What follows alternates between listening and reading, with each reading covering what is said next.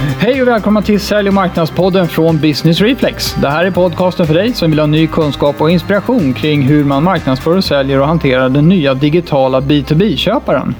Idag sitter vi i studion igen Lasse. Jajamän, tillbaka i studion. Härligt! Och det är alltså Anders Hermansson och Lars Dahlberg som sitter vid mikrofonen. Exakt. Ja.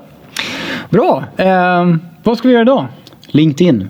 LinkedIn. Eh, Hur man använder LinkedIn för att marknadsföra sig. Precis, vi har pratat om eh, LinkedIn i lite olika tappningar, i lite olika avsnitt.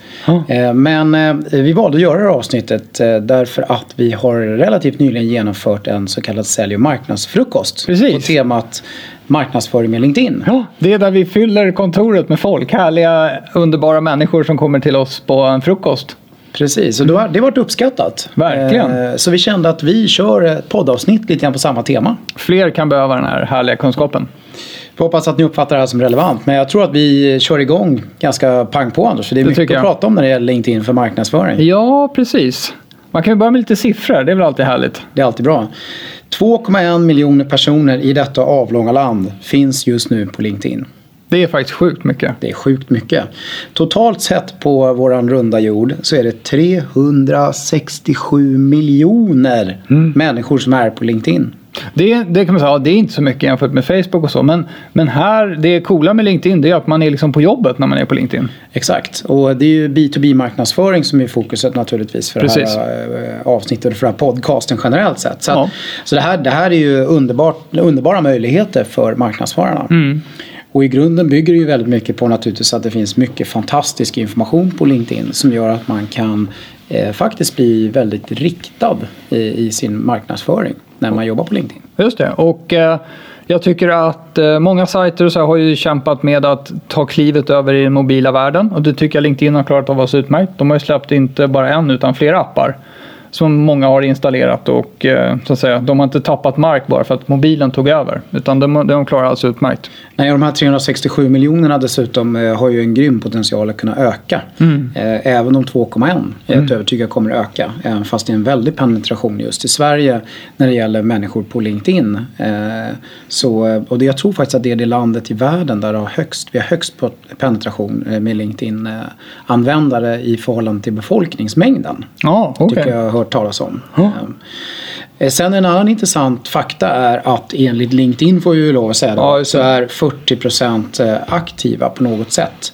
Eh, Och när jag läste den här informationen så försökte de definiera lite det här med aktiv. Och Ja. aktiv är ju i princip att man interagerar med LinkedIn på något sätt. Man är inne och kollar. Så. Ja, man är inne och kollar men, men det är också så att LinkedIn skickar ju ut lite mail och ja, Aha. försöker reagera lite för dig utemellanåt om du är passiv. Och Ja, ja. eh, reagerar du på det, det vill säga att du klickar och kommer in den vägen eller att du så att säga är aktiv baserat på att LinkedIn kittlar på dig. Ja, jag att säga. förstår. Öppna mejlet om vem som har kollat på din profil. Eller Till exempel. där. Så, att, så det är klart att aktiv kan vara ganska lite aktiv. Ja. Men 40% är ju väldigt hög. Man kan säga- ja, de här människorna de, de kommer i alla fall inte glömma bort LinkedIn kan man säga. Utan, för LinkedIn gör sig påmind hela tiden. Nej, och, och vi träffar ju, jag var nyligen och pratade i Linköping och frågade liksom många, hur många är med på LinkedIn? Ja. Och alla räckte upp handen, det var Ja. Mm. 40 pers i lokalen. Och eh, när vi pratade om det här med att människor är aktiva varje dag så är det ju många människor i den lokalen var aktiva många, många gånger per dag. Ja, just det. dessutom. Och det är bara vanliga B2B-människor satt Ja. i lokalen. Så det var inget speciellt så. Just det. Så att eh, så är det. Sen är det väl lite grann det här med hur marknadsförarna, eh, hur är det med marknadsförarna och LinkedIn? Ja, Eh, och det är ju så att enligt Content Social Media Marketing Industry Report som görs utav eh, eh, so, eh, Media Exe- Examiner. Examiner ja. Examiner. Social Mm. Media Examiner. Den här rapporten har gjorts ett antal år i rad nu. Eh, och man undersöker då vilka sociala kanaler som marknadsförarna använder när det gäller B2B marknadsföring. just det. Och då är det just nu så att LinkedIn eh, eh, är den absolut viktigaste kanalen för B2B-marknadsförarna. Eh, hela, med hela 41 procent Ja. av dem använder LinkedIn för marknadsföring. Eh, Facebook är eh, 30 procent. Så, att, så LinkedIn är mest, det mest dominanta. Och tittar man lite grann på hur trenden går, var det är man ökar så att säga, sitt eh, nyttjande när det gäller marknadsföringsinsatser så är det LinkedIn som är det som ökar allra mest av de här olika kanalerna med Twitter och Youtube och Google Plus och Pinterest och, och Facebook och LinkedIn och Instagram och alla de här. Ja, just det. Det är sådana små, om man kollar på ett tårtdiagram här så är det sådana här riktiga bantar tårtbitar. Man, om man bantar och inte vill äta så mycket fett, då kan man ta Pinterest eller Google plus tårtbiten. Men ska man glufsa i sig ordentligt, då är den 41% tårtbiten här LinkedIn, den dominerar ju grymt. Sen kan man ju säga så här att när det gäller att använda LinkedIn för marknadsföring så, och det kommer vi prata mer om i det här avsnittet, så kan man ju göra det väldigt enkelt. Mm. Och man kan göra det ganska omfattande och avancerat. Mm. Och, och en väldigt stor del av de som använder LinkedIn för marknadsföring idag använder det ju ganska enkelt för marknadsföring. Mm. Vilket i sig kan vara ett stort och viktigt steg men, men det, det är ändå så det är. Så att, eh, det handlar inte bara om att det blir fler och fler som börjar använda det utan det är också så att man använder det mer och mer avancerat till Mm. mera, ja, och, och, och mer omfattande. Och, och vart efter LinkedIn också utvecklar sitt erbjudande. Så man kan använda det på massa olika sätt. Eftersom vi alla vet, det var ju bara CV kyrkogård från början. Där man la in och, och nu blir det ju mer och mer en social plattform för businessfolk och med det också följer det annonsmöjligheter och sådär. Precis, och de, de har ju lagt till olika typer av möjligheter eh, på senare tid. Eh, och de kommer vi prata lite mer om längre fram. Men, men, eh, och det kommer fortsätta den utvecklingen, inget snack om den saken såklart. Just det. Eh, ja, eh, LinkedIn ja. Det är väldigt mycket B2B-köpare som är på LinkedIn. Men eh, något som är väldigt viktigt att tänka på här som marknadsförare rent generellt sett är ju att eh, köparna är ju extremt digitala oavsett det här med LinkedIn. De använder ju massa olika digitala kanaler för att liksom eh, stötta sitt arbete med att ta sig fram på någon form av köpresa. Eh, Det har vi pratat om i många avsnitt och den utvecklingen fortsätter ju också. Absolut. Väldigt mycket. Eh, Och man tror ju att det här bara ska bli ännu mer omfattande och ännu mer digitalt det som Ja. görs kopplat till köpprocesser. Just det. Så att, eh, jag, menar, jag tror kanske vi ska komma in lite på själva grundprincipen med hur man tänker då som marknadsförare här. Ja, du menar att, att man eh, ska försöka vara relevant och sådär eller? Ja, Mm. Så att i grunden handlar det ju om att egentligen inte prata om sig själv och marknadsföra att man är störst, bäst och vackrast på LinkedIn. Utan det handlar ju om att sprida relevant information och kunskap, relevant content. Eh, som kan trigga en köpare att ge sig in på någon form av digital köpresa. Ta sig fram på den här resan. Att, att kunna hjälpa dem eh, framåt eh, via eh, content och nyttja LinkedIn som verktyg för det. Ja. Eh, tills de kommer i ett läge där det börjar bli dags att fundera på att välja en lösning. Och då ser man till att hoppa i lådan kan man säga. Ja, med sitt egen value proposition, sitt eget erbjudande. Så det är, ju, det är ju väldigt mycket eh, det man, det man gör är att sprida relevant content. Och, Och det, det tycker jag de flesta, när man kollar i mitt flöde, tycker jag de flesta har fattat det. Man försöker dela med sig. Och det, det är klart att alla fattar ju också att anledningen till att folk delar med sig av kunskap och så är ju för att komma in bra dagar. Men det är ett jävligt bra sätt att komma in bra dagar. för man hjälper ju folk Exakt. under tiden. Så Exakt. det är helt okej tycker jag. Eh, precis, så, så, så är det ju. Och, eh, man, ser ju fort, man ser ju också liksom lite avarter på allt detta på LinkedIn. Att det, det pratas liksom om väldigt mycket om en själv också. Men de allra flesta har fattat det och det är ju väldigt lite det här sociala pratet på LinkedIn. Det är väldigt affärsorienterat, affärsinriktat överlag. Ja, så. Så, så den grundprincipen får man inte tappa bort. Och när, man jobbar som marknadsförare i den här världen så använder vi en massa olika sätt att sprida sitt digitala content eh, på. Eh, där ju LinkedIn är en väldigt viktig pusselbit i mixen. Mm, så är det. Ja. Eh, det här med content då. Det måste man ju helt enkelt ha för att bli framgångsrik med, med att jobba med marknadsföring på LinkedIn.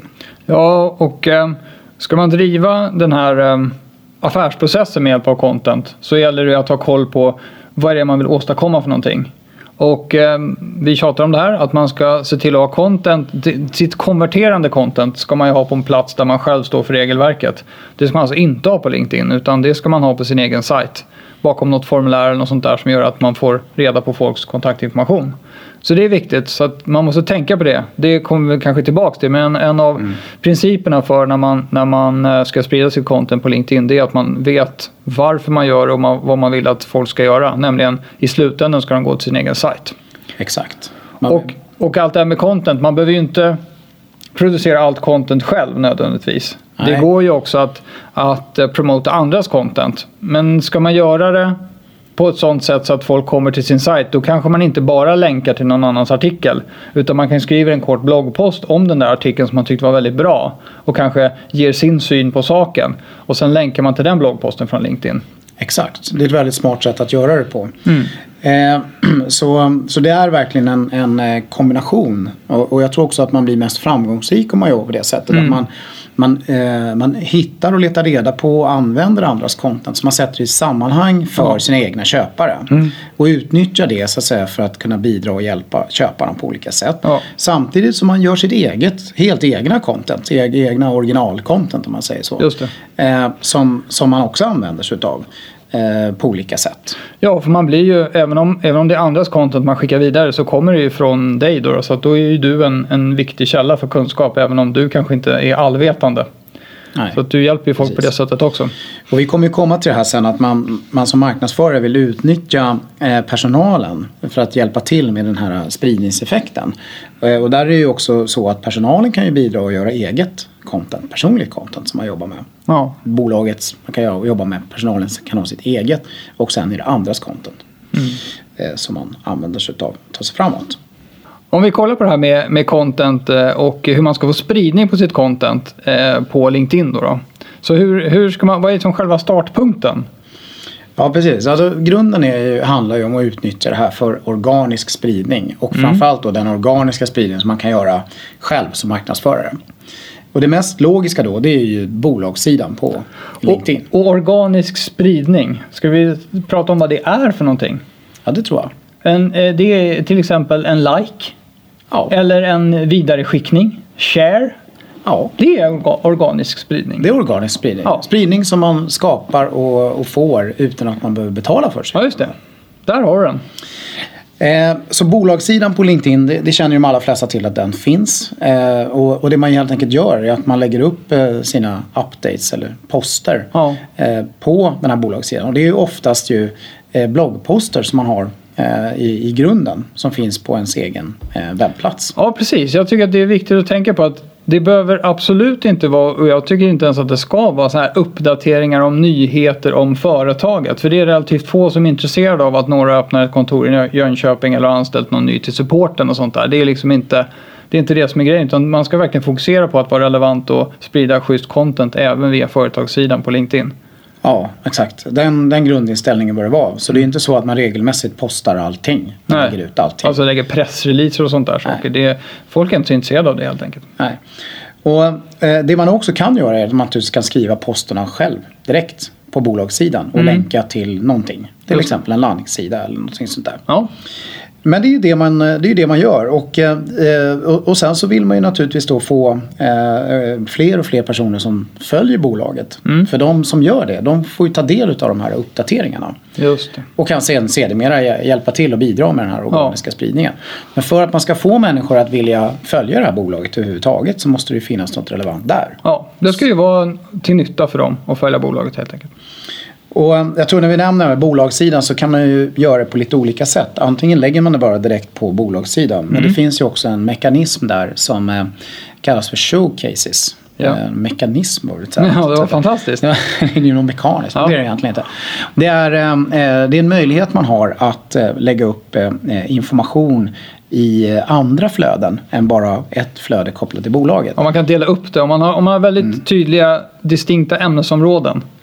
Eh, till exempel olika produktområden eller olika personer som man riktar sig till. Så kan man special ha flera parallella flöden. Så att inte de skitar ner varandra. Nej, man kan jobba med olika branscher och det där kan man hitta på lite grann själv. Ja. Hur man vill göra det där. Eh, eh, Så när man ansöker om att få skaffa sig ett sånt här showcase så Mm. kan man vara ganska kreativ. Men det är, LinkedIn behöver ändå godkänna de här eh, grejerna.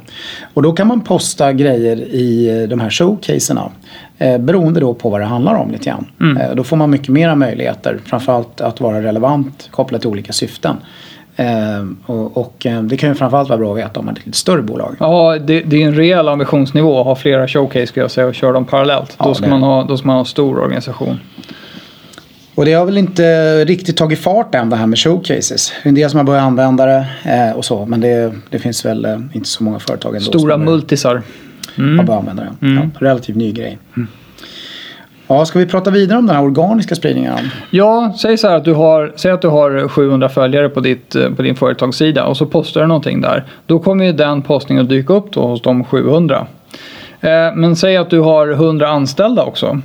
Eh, och det kanske är 100 av de där 700 i dina anställda som då följer din sida på LinkedIn. Om, och då dyker ju den här postningen upp i deras flöden. Mm. Om de är lite drillade mm. och vet vad de ska göra, då kan ju de dela den här postningen vidare i sina nätverk. Och om de har 500 pers var eh, i sina nätverk, då blir det 500 gånger 100 i spridning. Om man sen försöker lite överlapp då om man jobbar på samma bolag. Men det blir ju en otroligt mycket större organisk spridning bara genom att i första steget engagera de som jobbar på bolaget. Exakt. Det där är ju eh, verkligen den enklaste formen. Det man ju också kan göra med personer på bolaget är att man kan ju få dem att gå in på den egna webbsidan och så att säga dela olika bloggposter du lägger upp till exempel mm. via sitt eget mm. flöde. Ja. Eh, och, och, eh, och, så. Det kan de göra genom att trycka på knappar, mm. LinkedIn-knappen på en bloggpost. Eller ja. de kan ta med sig länken och gå till sin, uh, home, sitt homeflöde på LinkedIn och klistra in länken där. Och på det sättet så att säga, sprida själva. Just det. Utan att det kommer via bolagssidan. På ja, det är jäkligt bra. Två anledningar till att det är bra. Dels är det lite mer engagerande från den personen som gör det. Eh, och sen så slipper man eftersom vi sa från början att man vill ju få folk till sin egen sajt. Mm. Och eh, om man ska eh, gilla en post som först dyker upp på LinkedIn som folk sen ska klicka för att komma till sajten. Det är liksom en längre väg. Mm. Så det är riktigt att om personalen själva kan gå in och dela bloggposter eller bra content-landningssidor direkt från sajten till LinkedIn. Då blir det ett steg kortare för folk att komma till sajten. Så det är, det är de två anledningarna som jag ser. Och sen, det finns ytterligare en anledning där. Det är att användaren kan i det här läget också styra var den här posten dyker upp någonstans. Man kan till exempel välja att posta den i en grupp. Ja.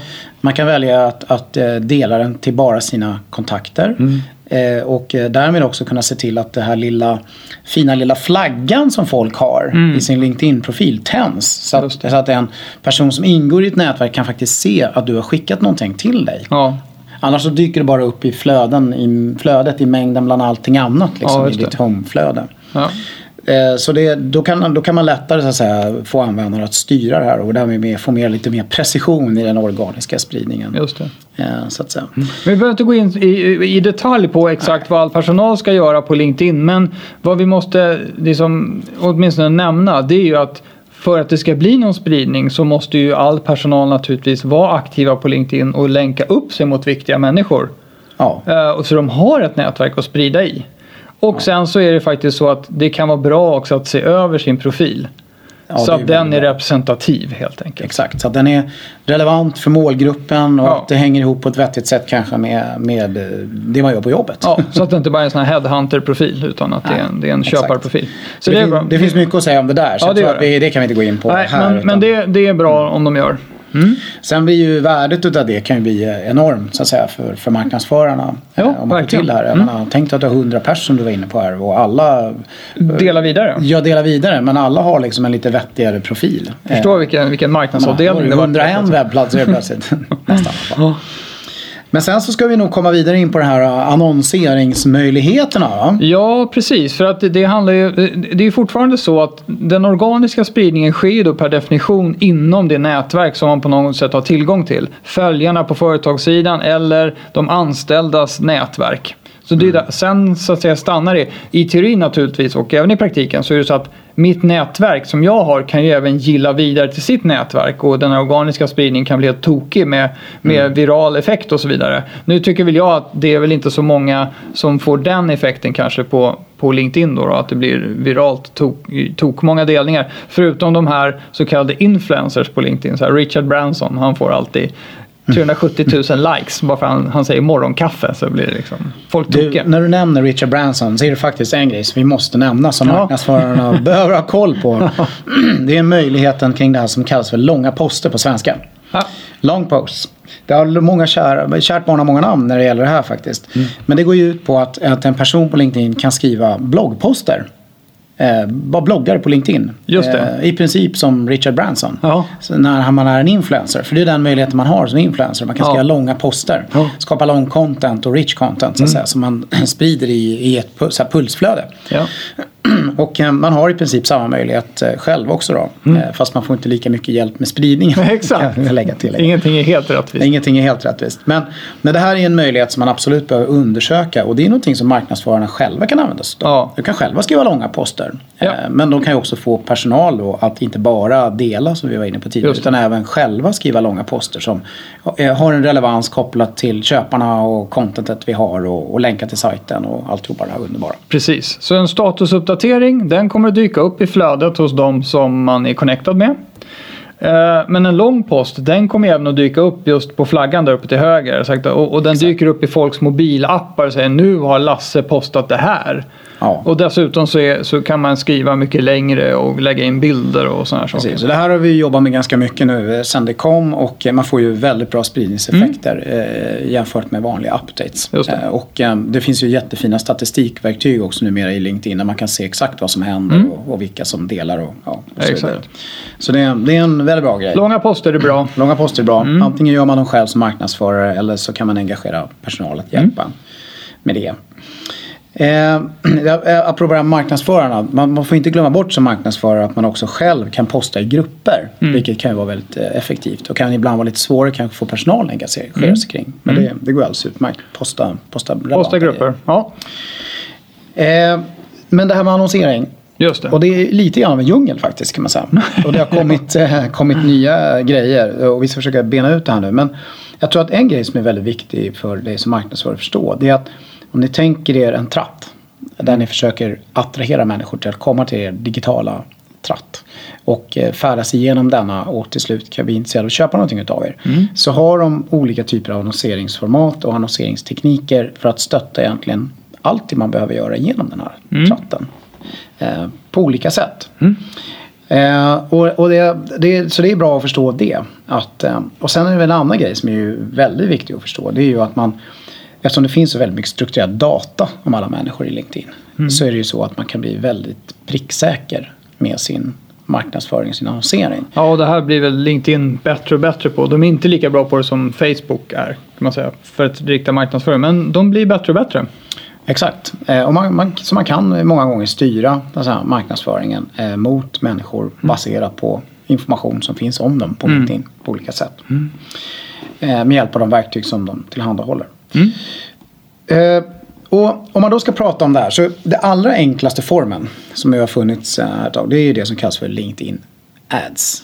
Det där som dyker upp till höger, kan man säga. Oftast är det så ja. Ja. Precis. Eh, Det kan dyka upp på lite olika sätt men det är det vanligaste. Ja. Att det dyker upp till höger och att man helt enkelt ja, annonserar i, i det formatet man har där om eh, sitt relevanta content helt enkelt. Ja, just det. Och då kan man, och vad händer när man klickar på de där? Man kan komma iväg Ja. in direkt till sajten då, eller? direkt till sajten. Det är inte bara att man kommer till en annan LinkedIn-sida utan man kan Nej. fara iväg ut ur LinkedIn. Ja. Ja, Eh, så det är, det är ju vanligt Ja. gör. Och, eh, men sen så är det då, eh, det, det finns en variant på det. Ja. Kanske vi ska ta direkt i och för sig. Ja. Att eh, man kan göra en liten enklare variant och sen finns det en variant där man kan lägga in mycket mer content. Där man får liksom tre flikar och man kan bädda in videos och man kan lägga liksom olika typer av information. Så det blir mer content rich. den här just annonsen. det. Ja, Däremot eh, så måste man vara beredd att hosta upp med en lite större plånbok. än vad folk ja det, det, det finns någon sån här nivå där LinkedIn börjar bry sig. Eh, Om man ska få göra de här avancerade annonsformaten och om man ska få så att säga, hjälp av LinkedIn och få till det riktigt ordentligt.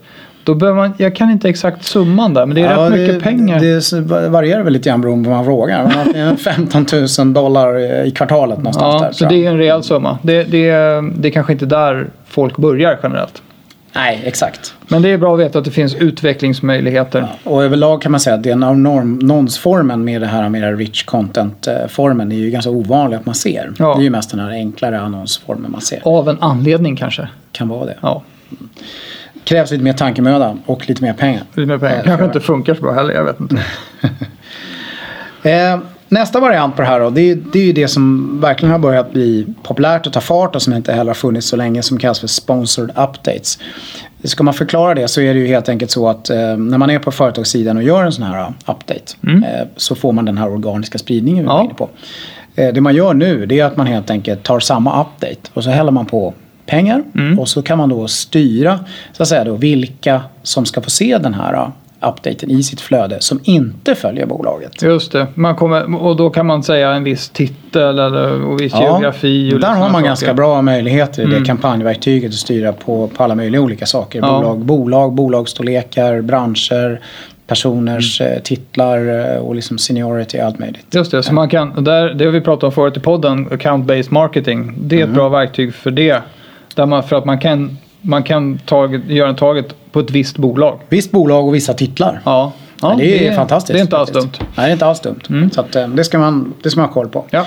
Och det är relativt enkelt att jobba med eh, och, och eh, det, det fungerar väldigt bra. Mm. Väldigt bra. Man Kostar betalar- inte jättemycket heller. Nej, man betalar antingen beställer man betalar per klick. Ja. Man klickar, kommer kom till sajten. Eller så betalar man på impressions och visningar. Just det. Och man får välja då det här lite grann beroende på vad man tror blir mest kostnadseffektivt för en själv. Ja. Beroende på syfte och målgrupp. Och Just det. Men, men vi snackar om liksom några tusen spänn så har man kommit väldigt långt. Ja, exakt. Mm. Eh, då kommer man igång, absolut. Och det börjar hända grejer. Ja, Och det går ju ganska lätt här att styra. Man kan lägga på mer pengar och, och man kan förändra sin budget, dra ner den och Ja. man kan ändra även på inriktningen på kampanjen löpande. under och, tiden. Ja, och sådär. Så det är bra. Det, det är bra. Och, och, man, och det är en sån här budgivningsgrej. Man Ja. har någon sorts budgivningsförfarande för att komma upp högt upp bland annonserna Ja, exakt. Man får, måste ju bestämma sig för, de rekommenderar en nivå och den Mm. ska man ju definitivt lägga sig på. Kanske till och med lite över i början, det säger många och det är det vi har provat också. Mm. Och så får man skruva sen liksom, så att man får upp en effekt. Det beror ju precis på hur, hur mycket konkurrens det handlar om då, Ja. mot den här målgruppen. Ja, just det. Eh, Och man får ju hela tiden data så man kan ju ha någonting att beslutsfatta utifrån. Ja. Mm. Eh, extremt viktigt dock när man jobbar med det här det är ju att man, eh, eh, att man inte bara slänger iväg en annons via sponsor update. Så man verkligen har tänkt till hela flödet. Liksom, Mm. Vilket content mot vem, hur det här ska, vad som ska hända på sajten Mm. och hur man konverterar. Det, så det är, det är relativt komplext bakom kulisserna. Just det. Ska man väl säga. Eh, sen så är det då det här med att man kan, eh, man kan faktiskt betala för att skicka sådana här in-mails också. Ja, just det. Inmails normalt är ju sånt som man kan göra. Jag har någon sorts licens på LinkedIn för mig, för mina användare. Och då har jag ett visst antal inmails jag kan skicka per månad. För annars kostar ju de, de kostar ju pengar. Jag betalar en licens och så får jag 25 i månaden eller vad det är någonting. Kan du skicka till sådana som inte är med i ditt nätverk? Exakt, jag kan adressera vem som helst på, på LinkedIn och skriva ett trevligt mail och säga någonting. Men jag behöver ju liksom hitta den specifika personen och skicka till den en och en då. Det du har Anders är ju konstruerat för dig som, ja, som, som säljare. Säljare, så att säga. Där du kan göra det här och eh, det krävs ju ett manuellt arbete. Eh, så precis som du är inne på. Och man måste konstruera liksom innehållet i det här och skicka iväg. Ja. Men som marknadsförare så är det ju mer det här sponsored in som gäller. Som det faktiskt heter. Och då kan man ju göra det här en masse. Just det, då väljer man väl ut en målgrupp eh, på Ja, titel och allt sånt typ. där och så Ja, drar man iväg ett mejl. Ja. Och, och eh, jag vet att LinkedIn är ju hyfsat konservativa för de har ju någon sorts devis att, att vilket jag tycker är helt rätt, att de finns till för medlemmarna på LinkedIn primärt. Inte Mm. för oss marknadsförare.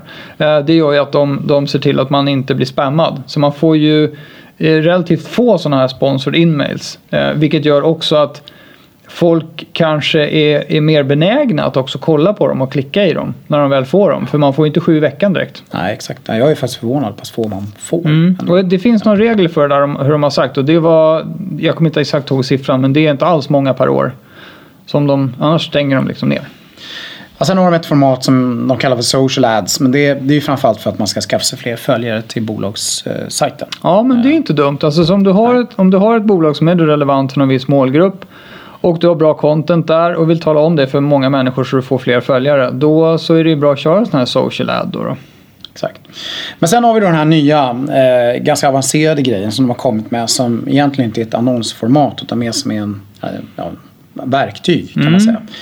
Eh, som kallas för Lead Accelerator. Eh, om man ska förklara det så bygger det egentligen på att man, man får ju trafik till sin sajt. Till sin egen Till sajt. sin egen sajt. Ja. Till sin egen webbsajt. Ja. Och det man gör då är att man lägger helt enkelt ett eh, tracking-skip på sin sajt som man Ja. får av LinkedIn. Och det innebär den att man vet helt enkelt vilken typ av person eh, som kommer till vilket ställe på en sajt. Mm. Och sen kan man då eh, baserat på det eh, skapa olika typer av eh, så kallad ja, annonsering helt enkelt. Mm. Och den annonseringen då den dyker ju inte upp på din sajt då utan den dyker ju upp på, på andra sätt. Mm. Och bland annat då så kan, den, kan det då bli så att det här dyker upp i deras displaynätverk. För Google äger numera ett eget displaynätverk. Det vill säga det finns en massa sajter på nätet där de här annonserna visas. Som många besöker. Ja, de har gjort lite dealar med lite olika Forbes, vad den där kommer ihåg. Men det är väl Ja. flera andra sajter också. Och då blir det så här. Om personen har varit på din sajt och stämmer överens med din målgruppsdefinition som du har gjort på LinkedIn. Då kommer det en annons att ploppa upp från dig. För den här Exakt. personen. Så det blir ju jäkligt riktat och kostnadseffektivt. Det man dessutom kan göra här det, det är det att man kan helt enkelt eh, köra en, en serie utav annonser. Så att först kommer en annons och nästa gång man, man kommer i, i ett läge där man ska kunna se en annons så kommer en annan annons. Och så vidare och så vidare. Så man kan bygga liksom ett logiskt flöde utav annonser som så att säga ja, kanske hjälper en köpare framåt i en process, erbjuder relevant content liksom i en, i en logisk kedja. Eh, och så. Eh, vilket är naturligtvis rätt avancerat men, men kan ju bli väldigt effektivt. Ja, det kan det bli. Som en sorts, ja, nurturing är ett sånt där ord som används här. Men att den liksom hjälper köparen framåt på, på något vis i, Ja. i den här processen. Och de som känner till Google Remarketing eller retargeting, det här är ju precis samma grej. Nu har LinkedIn kommit med det också. Så skulle man kunna säga. Och, och det som är, eh, är grejen då det är att, att eh, eh, man kan ju jobba då med, med att eh, det här kan vara sponsord updates till exempel som kommer. Det kan vara annonsformatet. Ja. Eh, förutom det här display ads i deras nä- displaynätverk. Eh, men det är också så att just för stunden så kan man faktiskt få det här att dyka upp som annonser i ett Facebook-flöde också. Så får vi se hur länge det varar. Ja, exakt. De är ju lite konkurrenter där kan man ju tycka, Facebook och LinkedIn, även om det är B2C och B2B får man säga. Men ja, vi får ju se. Vad var det du sa att det var någonting med att i och med att LinkedIn hade köpt något bolag som redan hade i- den här exakt. dealen. I grunden är det ju så att LinkedIn har köpt ett företag som hade den här lösningen sedan tidigare. Mm. Man har vidareutvecklat lösningen och integrerat in den i, i LinkedIns, så att säga, Ja. eh, ja, LinkedIns e- erbjudande. Ja, Och i deras teknologi och deras informationshantering.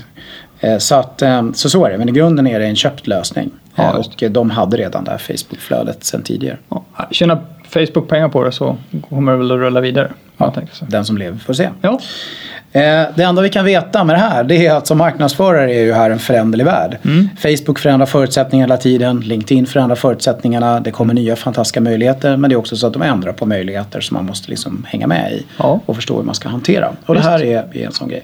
Det här är dessutom en sån sak där man behöver den här lite större plånboken när man ska göra.